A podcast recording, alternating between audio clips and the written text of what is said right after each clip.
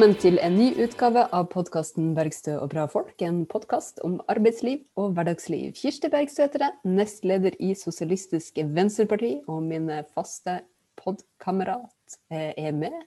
Ingrid Wergeland, kommunikasjonssjef i Manifest. Velkommen til deg, Ingrid. Godt Takk å se deg.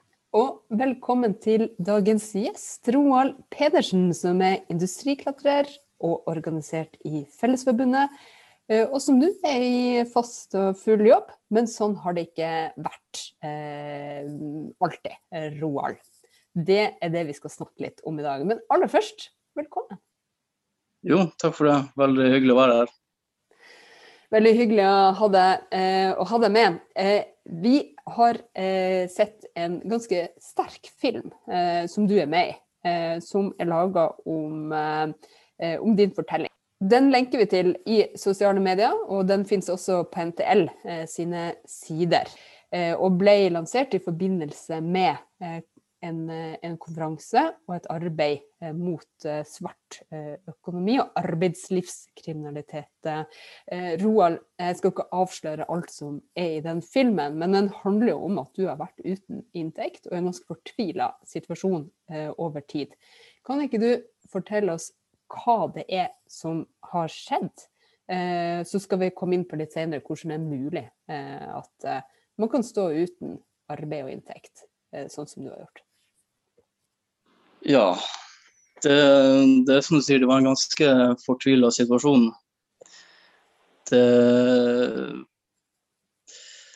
det var, gikk jo lenge uten jobb, til tross for at jeg hadde full stilling. Eh, 100% ansatt i et firma. Eh, men eh, så inntraff jo korona det, og det er klart det prega arbeidsmarkedet en del, forståelig nok. Men eh, problemet her da, det var at eh, det her firmaet, de, eh, de permitterte meg ikke.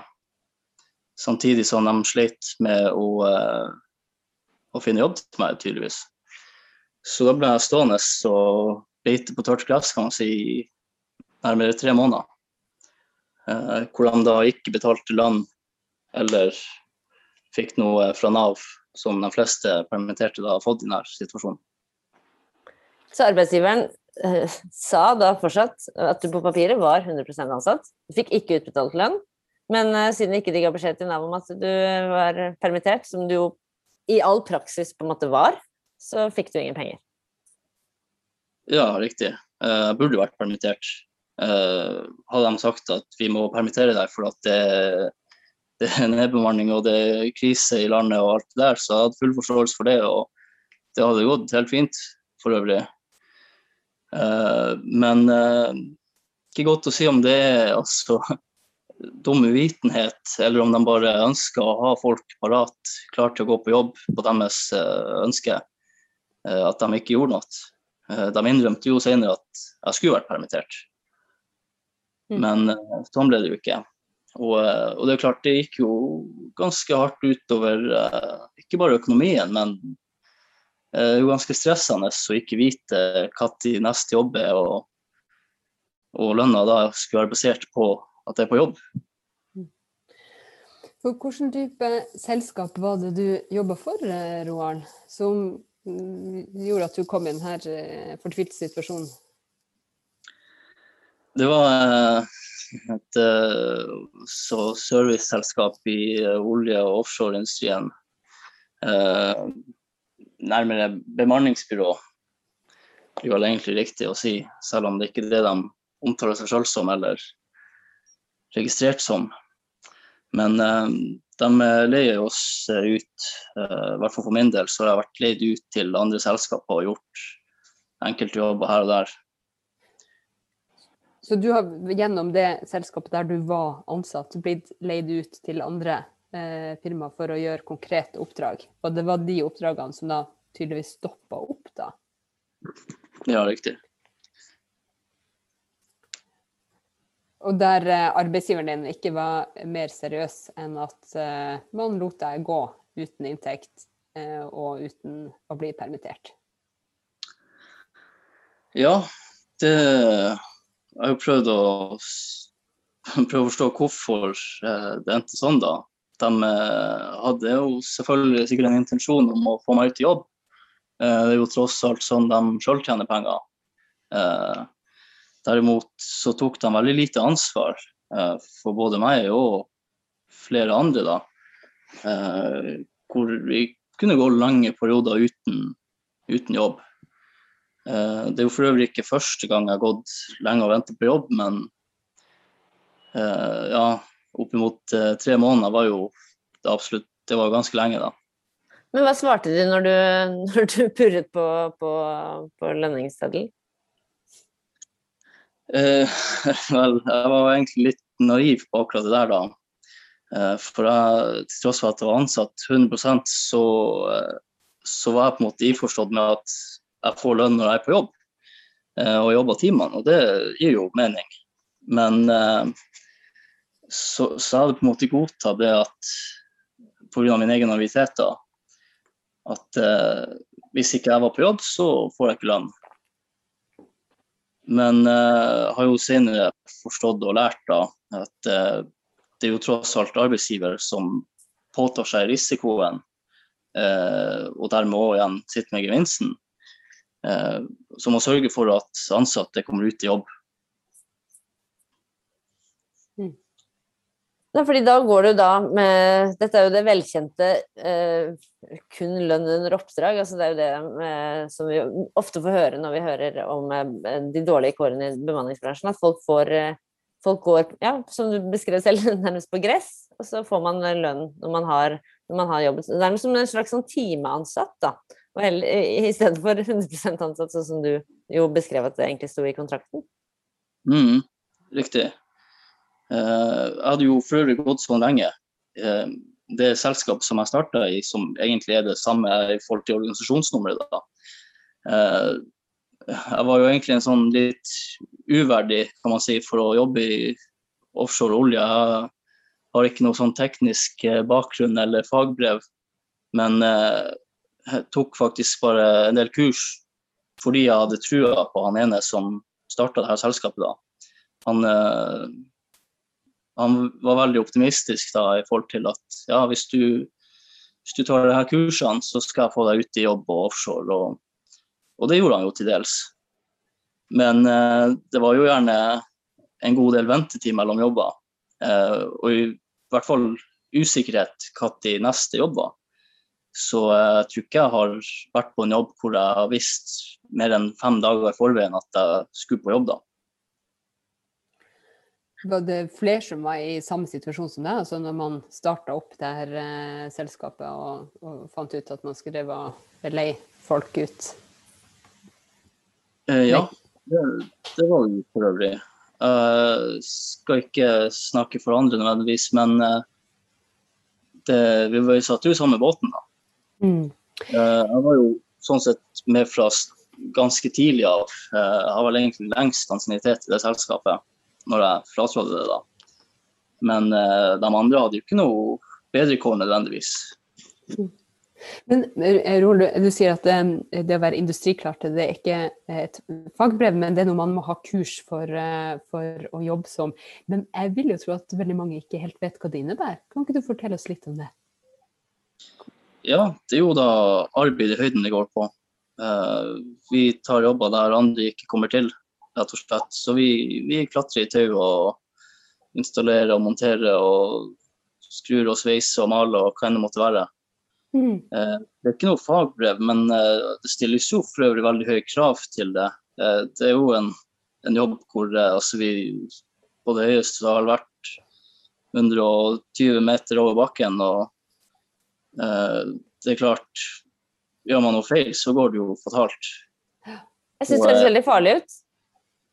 Eh, nei. Eh, både ja og nei. Hvis, hvis, du ikke vet hva du holder på med, så er det jo det. Men, mm. men der er jo et uh, lag sammensatt av forskjellige nivåer, da.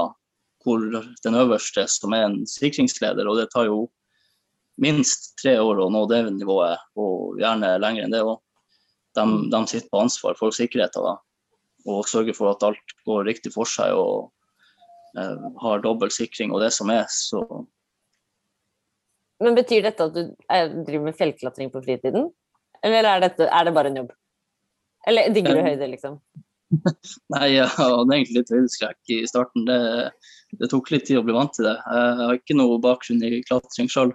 Det er en god del som har det, men for min del så, så fikk jeg bare vite om at det var et kurs som man kunne ta. Jeg hadde sjøl ikke hørt om yrket engang for et par år siden. Og, eh, men det er litt sånn nisje, da. Eh, Mm. så eh, Ind er det hovedsakelig ute på sokkelen, eller er det flere plasser som man kan jobbe som, som det? det, nei, Større industrianlegg kanskje, som trenger vedlikehold? flere plasser. Det, altså det er ute på sokkelen, men jeg har også vært på jobber på Vindmølleparket. Så, eh, så det er på en måte jobb på, på begge sider av det grønne skiftet, om man kan si det sånn. Mhm. Eh, Det kan være vindusvask. eh, Det, det er bare en annen metode hvor kanskje stillas eller en kran ikke kommer like lett til. Nettopp så alt som må gjøres i høyder, det kan eh, dere som er industriklatrere bidra med. Det er, helt, det er ganske tøft. Ja, en god del i hvert fall. Ja, en god del.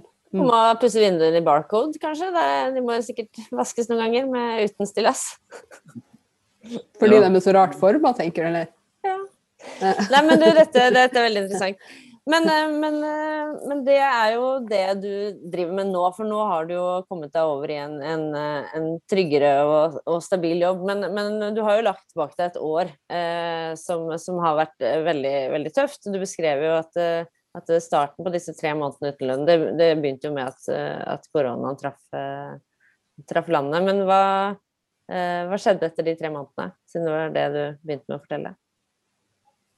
Eh, vel, jeg kan jo starte med at uh, det er litt ironisk, egentlig. Men uh, vi blir jo bedt om å melde oss inn i Fellesforbundet for å få tariffavtale i bedriften. Det var det eierskapet sjøl som ba meg om å gjøre det. Jeg må jo ærlig tilstå, jeg har aldri vært organisert før. noe som er litt rart å se tilbake på nå, da. Dere ble oppfordra til å bli medlemmer i eh, Fellesforbundet og organisere dere. Eh, hvorfor eh, ble dere egentlig det, tror du? Vel, i starten så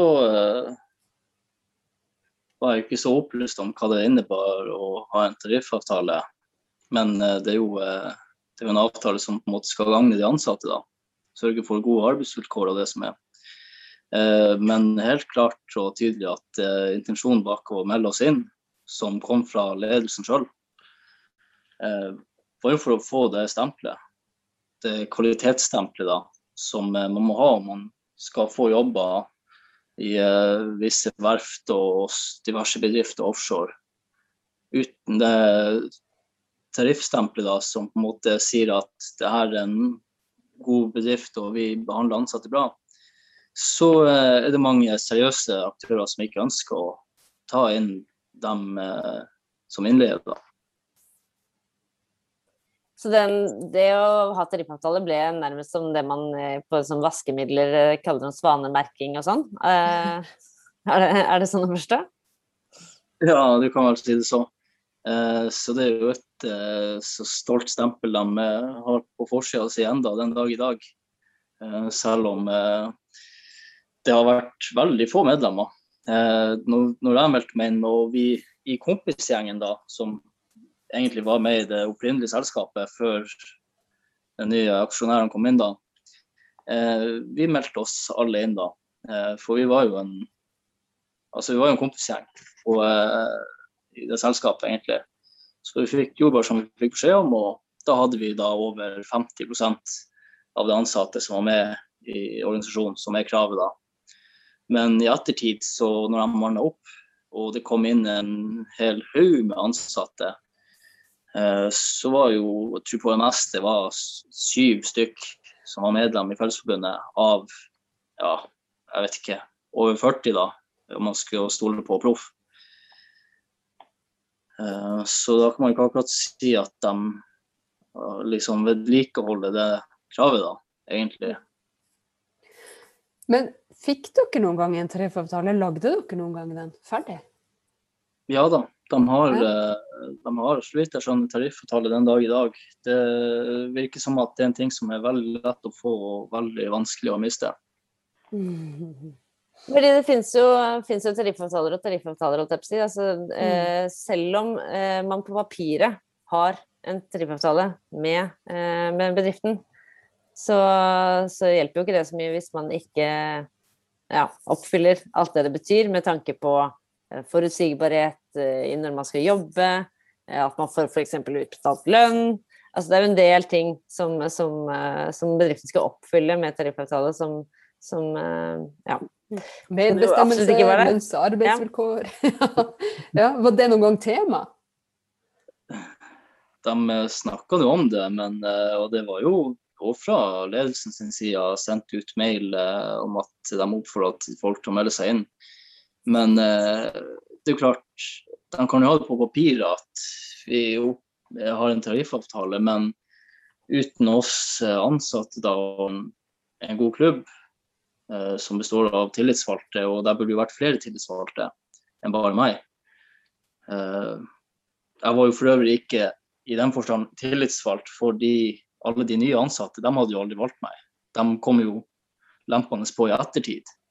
Så det skulle jo vært flere tillitsvalgte egentlig, og en god klubb, som da sørger for at de eh, vilkårene opprettholdes. da. Og Hvis ikke så kan de få det stempelet, og så gjør de som de vil etterpå. De kan si at de har intensjoner om å gi faste jobber og alt det som er, men eh, ja det, det må nesten eh, Man må, man må hele tida holde det i tøylene der. eh, Passe på at det ikke sklir ut.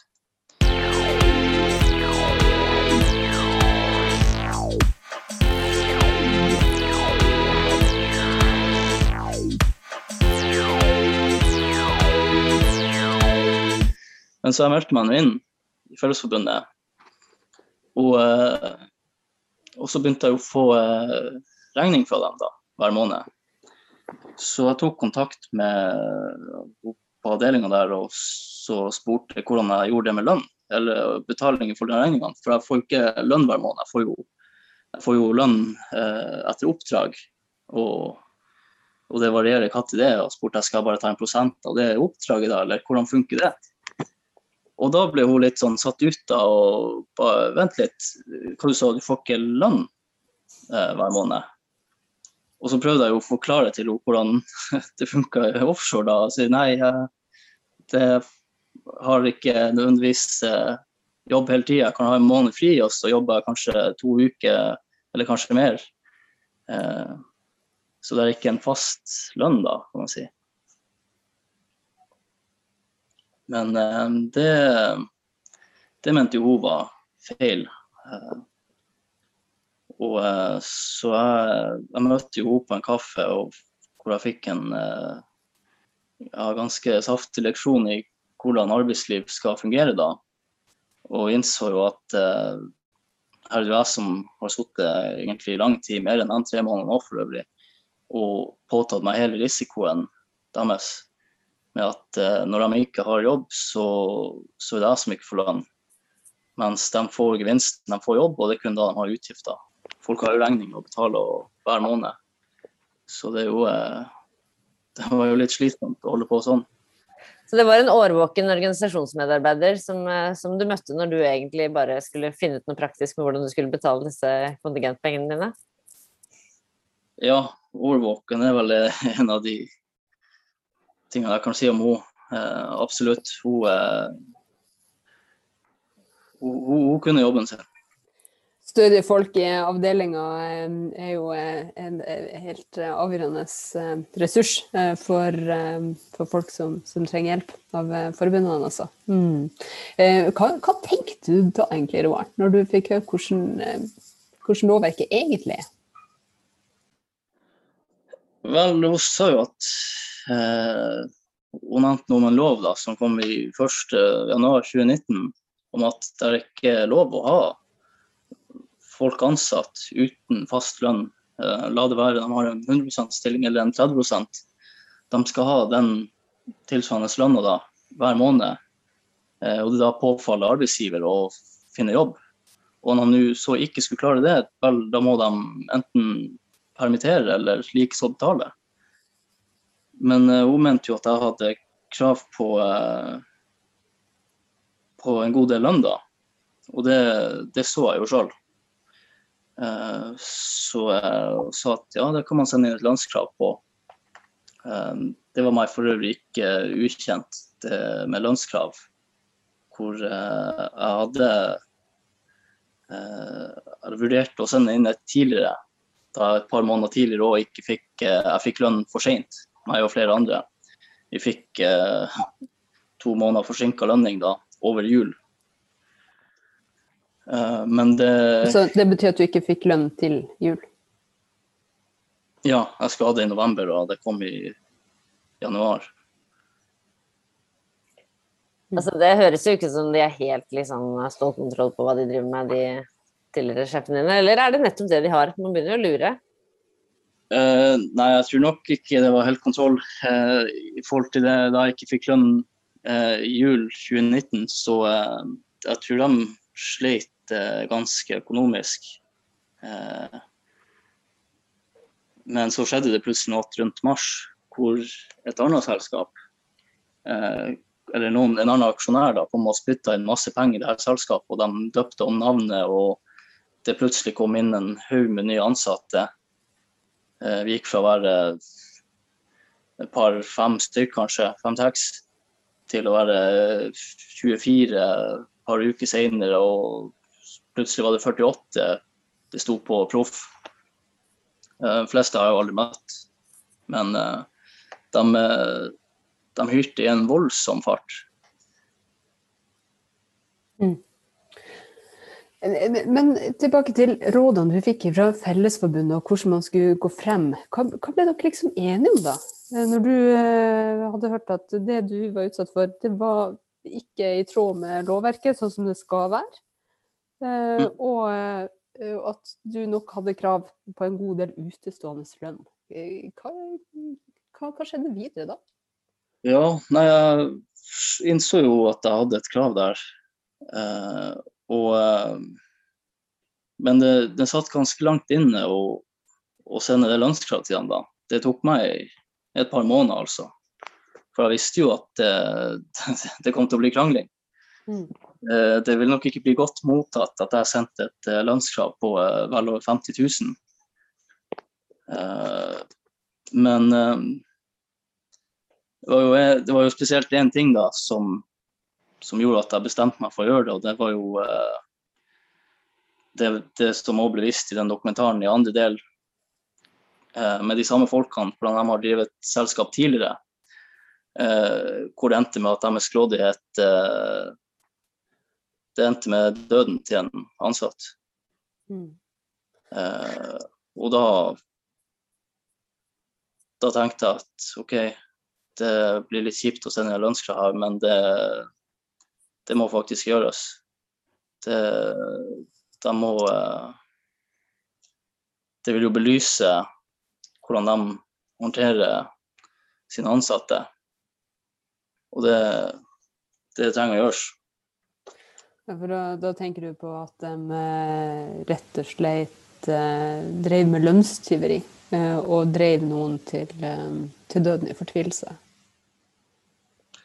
Ja, mm. riktig. Da altså, jeg innså jo hvordan de holdt på da, og da tenkte jeg at de kan jo ikke slippe unna med det når jeg har mulighet til å kanskje gjøre noe med det. Eh, I hvert fall på et lite plan. Så, eh, så selv om det, hvis det vil bli kjipt, så, så tok jeg valget å sende det lønnskravet. Og men opplevde du at du hele tiden hadde, hadde Fellesforbundet i ryggen til støtte for hvordan du skulle gå frem, og sånn, sånn at du ikke følte deg så alene? Ja, 100 Jeg hadde aldri klart det her uten dem. Det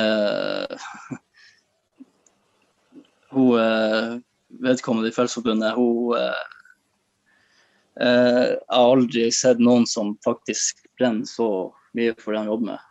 Eh, det er en hverdagshelt ute av dimensjoner. hun har stilt opp eh, si, hele veien, og ikke bare i kontortid, men i eh, kveldstid og helger og hva tid som helst. Eh, og uten dem så hadde ikke jeg hadde ikke jeg si, visst hvordan jeg skulle gå frem og gjøre det her. Det har vært en veldig seig og vanskelig prosess. Så eh, deres eh, støtte var, var helt prekær. For det faktum at det, det, finnes folk som vil utnytte andre, og at de eksisterer, det er jo sånn sett ingen overraskelse. Men, eh, men at det er mulig for dem å holde på sånn her i, i, i det omfanget og, og, så lang tid, mm. det, det syns jeg er helt ubegripelig, altså. Mm. Eh, for uh, de her samme menneskene har jo drevet og utnyttet folk i en årrekke etter den videoen kom ut, så ble jeg kontakta av folk eh, som fortalte historier om at de andre som ikke hadde fått lønn for nesten ti år siden, og de eh, hadde vanskeliggjort det skikkelig for sine ansatte allerede da. Eh, så det er ikke Var det de samme folka, Roar? Det var noen av de samme folkene. Ja, nettopp. Mm. Mm. Så da ruller det opp flere eh, folk som har blitt eh, skadelidende under de her selskapene? selskaper? Ja, under noen av de samme personene, ja. Mm. Jeg vil dog presisere at det er jo Så når man refererer til selskapet, så, så er det jo ledelsen og, og eierskapet det gjelder, eh, ikke de enkelte ansatte. Å, det er sant. Og det har du vært veldig tydelig på hele tida. Mm. Og også vist til eh, selskapsnummeret. Ja. ja eh, det, det, er nok kanskje noen som har uh, blitt dratt med i dragsuget her, men uh, og føler seg truffet. Men det er jo alle de ansatte som, som, jobber i selskapet, som har gjort noe galt. ofte så er de også et offer for de her menneskene. Mm. Men det er jo da heller ledelsen og eierskapet. men for øvrig så har det jo òg i det selskapet jeg jobber i, så har det jo vært folk i ledelsen som har prøvd å gjøre det riktige men vært maktesløse i å gjøre så. Men hvordan gikk det da, da du hadde eh, manna deg opp, for å bruke et sånt uttrykk, til å, til å sende dette, dette, lønnskravet på rundt 50 000 kroner? Hvordan, hvordan ble det mottatt? Ja, de eh, begynte jo å bemanne alle stasjonene da. Um, det de ville jo eh, prøve å få det vekk så fort som mulig, egentlig. Eh, så først så var det jo prøvde de å slå tvil rundt realiteten i, i, kravet mitt. Hvorvidt det var sant eller ikke, og hvordan regler vi måtte forholde oss til og frem og tilbake. og det det var jo papirkjør uten like, altså. Med lover og regler og ja, det ble veldig teknisk. Eh, og klart, jeg stilte opp med Fellesforbundet, og de begynte å organisere seg og dra med NHO og det. Men eh, det ble sagt at vi skulle først løse det på lavest mulig nivå. Som da innebar at vi satte oss ned i lag. Eh, da bedriften og tillitsvalgte, som i dette tilfellet var meg, så jeg var jo bare min egen tillitsvalgt, så det, mm. det hjalp meg jo egentlig ingenting. Uh, hadde sånn sett vært bedre om jeg hadde vært ansatt og hadde en tillitsvalgt med meg. Men uh, da ble det avtalt at jeg skulle møte en av dem i ledelsen uh, for å prøve å, å, løse det her, da. Og jeg prøvde å forberede meg til det da, og hadde ja, tenkt at OK, vi skal prøve å få til et bra møte, i hvert fall. og finne fram en enighet. Eh, men en time før eh, møtet starta, så fikk jeg beskjed om at eh, det var meg alene mot tre av dem i ledelsen som skulle diskutere det her, da. Og da følte jeg at det, det ble litt skjevt ord, altså. At jeg alene skal gå mot folk som i en årrekke har manipulert og svindla folk.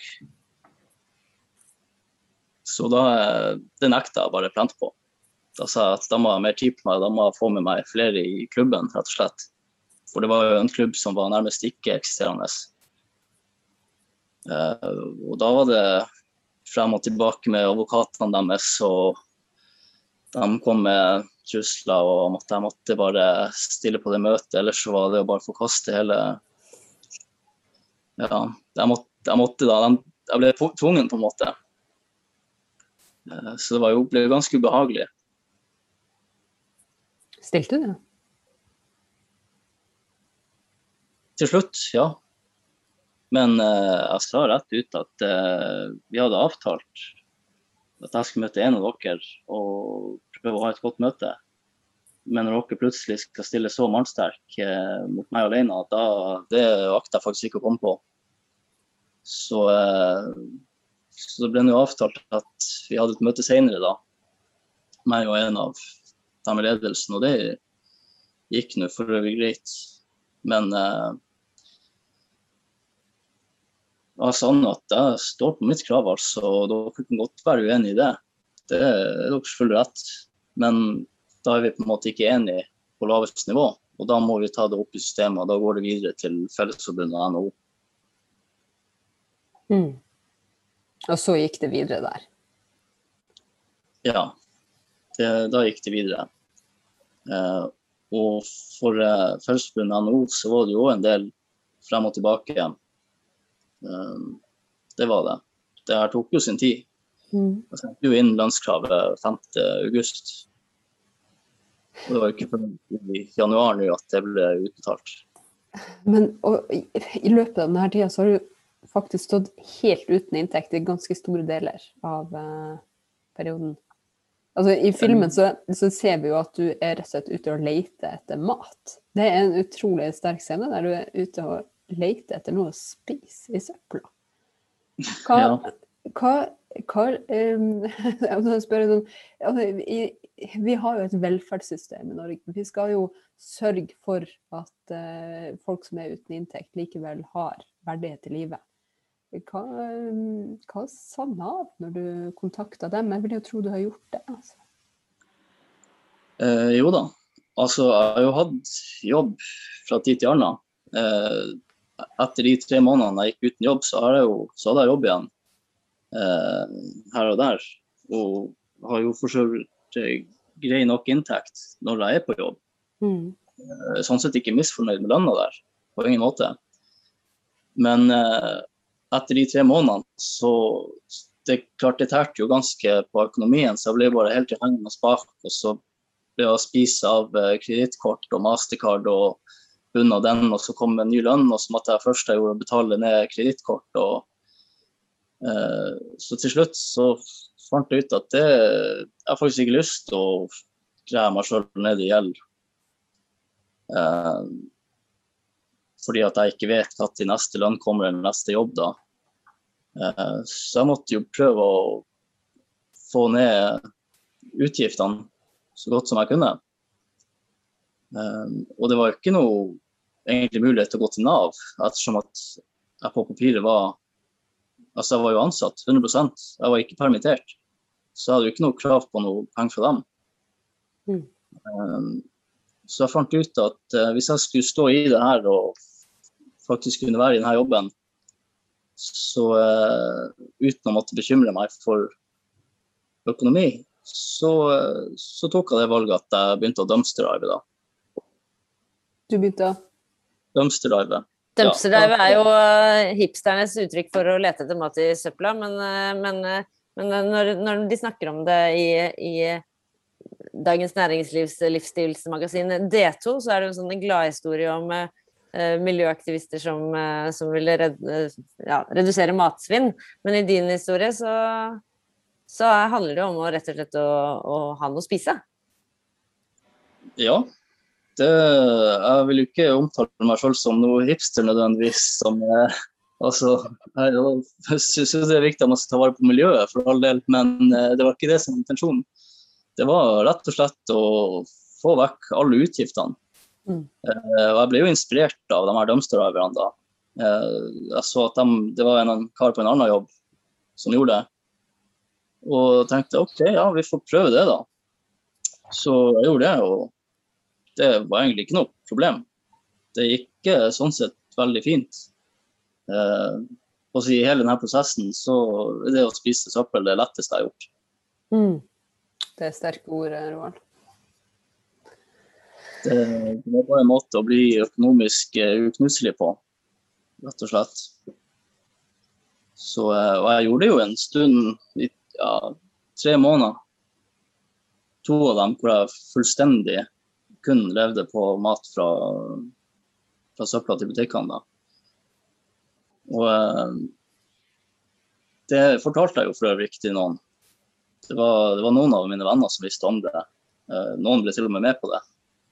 Men eh, det var ikke noe jeg brukte mot dem i den grad. Jeg sa det heller ikke til eh, dem i Fellesforbundet. Eh, på et tidspunkt så, så, kom det jo inn noe nytt lederskap i den bedriften. Og jeg var egentlig veldig positivt innstilt da på å få løst både mitt lønnskrav og annen rot som var i bedriften i forhold til ansettelse og kontrakter og, og lønninger. da. Uh, og da var jeg på møte første gang med vedkommende som var nye lederen. Uh, da hadde jeg holdt på med, med dumpsterdriving en måned. Jeg var jo frista til å måtte bruke det som et uh, argument i mitt eget landskrav at ja, så nå har jeg ingen henger etter på lønna, så derfor må jeg spise søppel. Burde dere ikke gi lønn snart? Men, men jeg så på en måte lys i tunnelen da og håpa på det skulle bli en forbedring. Så jeg valgte jo ikke å si noe på en god stund, egentlig.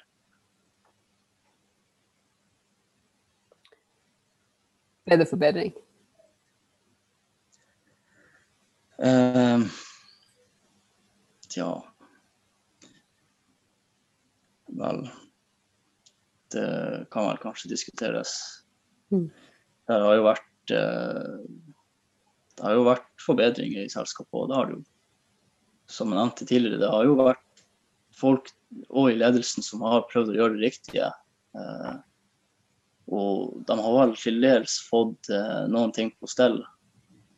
Men, men, samtidig så har de jo på en måte en businessmodell som Altså, de hadde jo, sånn som det virker for meg, intensjon om å drive rovdrift på folk så langt som det lot seg gjøre og dermed kapitalisere på det. Um, der uh, Noen ting ble kanskje bedre, men uh, helt bra ble det vel ikke. Men du endte i hvert fall med å få, å få de pengene du skulle ha? Ja. Kan oppsummere det? Ja da. Jeg vant jo det lønnskravet. Mm. Det gjorde jeg. De, uh, det var, det var egentlig litt synd, faktisk. For, eh, for, det gikk jo så langt at det gikk jo på en måte høyere og høyere opp i systemet. Eh, så neste steg, hadde de ikke ønsket å betale, hadde jo vært å møte dem i retten. Og det var egentlig det jeg hadde håpa på, da. Hvorfor det? Fordi da hadde vi faktisk fått rettsprøvd den loven som kom i, i 2019, som tilsier at det er ikke lov å, å ikke gi lønn mellom oppdrag. Og det hadde jo muligens da satt en presedens for hvordan man har lov å drive sånn type virksomhet. For du har jo jeg vil jo si at det, det, som har skjedd dette året, som vi har lagt bak oss nå, eh, fra at det startet med at du meldte deg inn i fagforeningen for første gang, til at du nå, et år etterpå, tenker at søren, vi skulle havna i retten så vi kunne satt presedens og satt skapet på plass en gang for alle for hva denne loven egentlig betyr. Eh, altså, det er veldig tøft å høre om alt, alt du har eh, vært gjennom osv., men, men, men du har jo virkelig gjort deg noen dype erfaringer, høres ut som, da, som, som, som, du, som du kanskje vil eh, ta med deg videre til, uh, til videre fagforeningsarbeid og et arbeidsliv i, i, på arbeidsfolks side? Jo, absolutt. Um, har hatt en ganske bratt læringskurve, kan man si, fra å uh, i starten uh, gå rundt og tro at uh, jeg som ansatt var så uverdig at eh, jeg får bare ta det jeg får og får bare lønn når jeg har oppdrag, og, og nærmest eh, er så medgjørlig at jeg lar meg selv utnytte. Eh, det er jo greit nok at man skal gjerne være litt fleksibel og, og, og hjelpe bedriften og være en god ansatt og sånt, men, eh, men det blir jo, eh, det jo utnytting til slutt. Eh, Men nå innser jeg at ja, man har gjerne krav på mer enn det man tror. og Man må ikke bør absolutt ikke la sånne ting bli. Mm. Som sagt, eh, ytterste konsekvensen her var jo at det gikk på både liv og, og helse løs. Eh, og da har de jo egentlig ikke noe i arbeidslivet å gjøre på den måten. Og jeg håper jo at en sånn rettssak ville da vanskeliggjøre det for ikke bare dem, men andre typer lignende virksomheter som, som prøver å berike seg sjøl på, på andre sin kostnad. Og da er det jo jammen godt eh, å ha noen i ryggen som eh, er med, og som eh, stiller opp, og som gjør at man kan ta den eh, kampen eh, sammen. Du eh, Roald, vi går mot slutten her. Vi vet at du ikke alltid har vært industriklatrer, og vi har et fast spørsmål i denne podkasten, nemlig Hva var din første jobb? Uff, ja. Første jobb. Jeg jobba med ganske mye, men eh, Skal vi se. Hvis vi ser vekk fra å grave i hagen til bestemor og sånt, så, eh, så er det vel gjerne rett og slett eh, klassiske sykkelbud. sykkelbud? Ja, avisbud. Eh, det var litt artig, egentlig, for det var en Så en Det var vel Finnmark Dagblad som utlyste en stilling, eh, avisbud, eh, i området hvor jeg bodde. Og eh, et av kravene var jo egentlig at man måtte ha bil eller moped. Mhm. Men eh, for det var en ganske lang rute, 4,7 mil eller noe sånt ifølge dem sjøl. så jeg søkte nå på den eh, og skrev i søknaden at eh, jeg har ikke moped eller bil. Jeg var vel 15 eller 16 da. Men eh, jeg kan fint ta det på sykkel, altså. Det går bra. Eh, jeg, jeg drev og sykla ganske mye. Jeg sykla hver dag til og fra skolen da. Det var jo 8 km én vei. Så, eh, så jeg mente at det var ikke noe problem å gjøre et par ganger i uka. Eh, de, eh, de kontakta meg og sa at eh, det blir nok litt vanskelig å ta den ruta uten bil. Eh, så det går nok ikke. Men da, da måtte jeg faktisk sette mora mi på telefonen og få henne til å forklare hvor mye jeg faktisk eh, sykla da. Eh, altså det var til og med i 30 minus og snøstorm, så, så jeg og sykla til skolen og var, var blitt så vant til det. Så jeg fikk jo jobben til slutt, da. Hvordan Du gikk det? krang- krangla deg til jobben. Ja, jeg klarte jobb hvis jeg måtte Det gikk greit. Nei, det gikk, det gikk fint. Eh, Ruta var for ikke så lang, den var kanskje 2,5 mil da. Men, eh, men det, gikk, det gikk veldig bra. Det var jo Sommer godt som vinter? Ja, jeg tror jeg, det var vel bare en sommer, eh, vår, høstjobb jeg hadde, så, eh, Ja. så det var kanskje like greit i Finnmark. Men eh, eh, avisa si.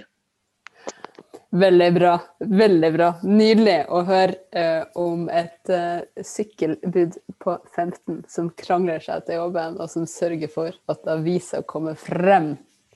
Eh, og ikke minst eh, at rettferdigheten kan seire til slutt. Tusen takk for at du var med oss, Roald, eh, og for at du delte din erfaring. Det håper jeg at em, flere kan dra lærdom av. Eh, Jeg håper flere ser den filmen som du har bidratt til. At man blir rasende og forbanna, og sørger for at her er det nødvendig med politisk endring. Fordi det du har opplevd, det skal ikke folk måtte gå igjennom. Takk til deg som hørte på. Vi håper du fortsetter med det. Lik, del, abonner. Eh, Og for all del, organiser. Ha en nydelig dag videre.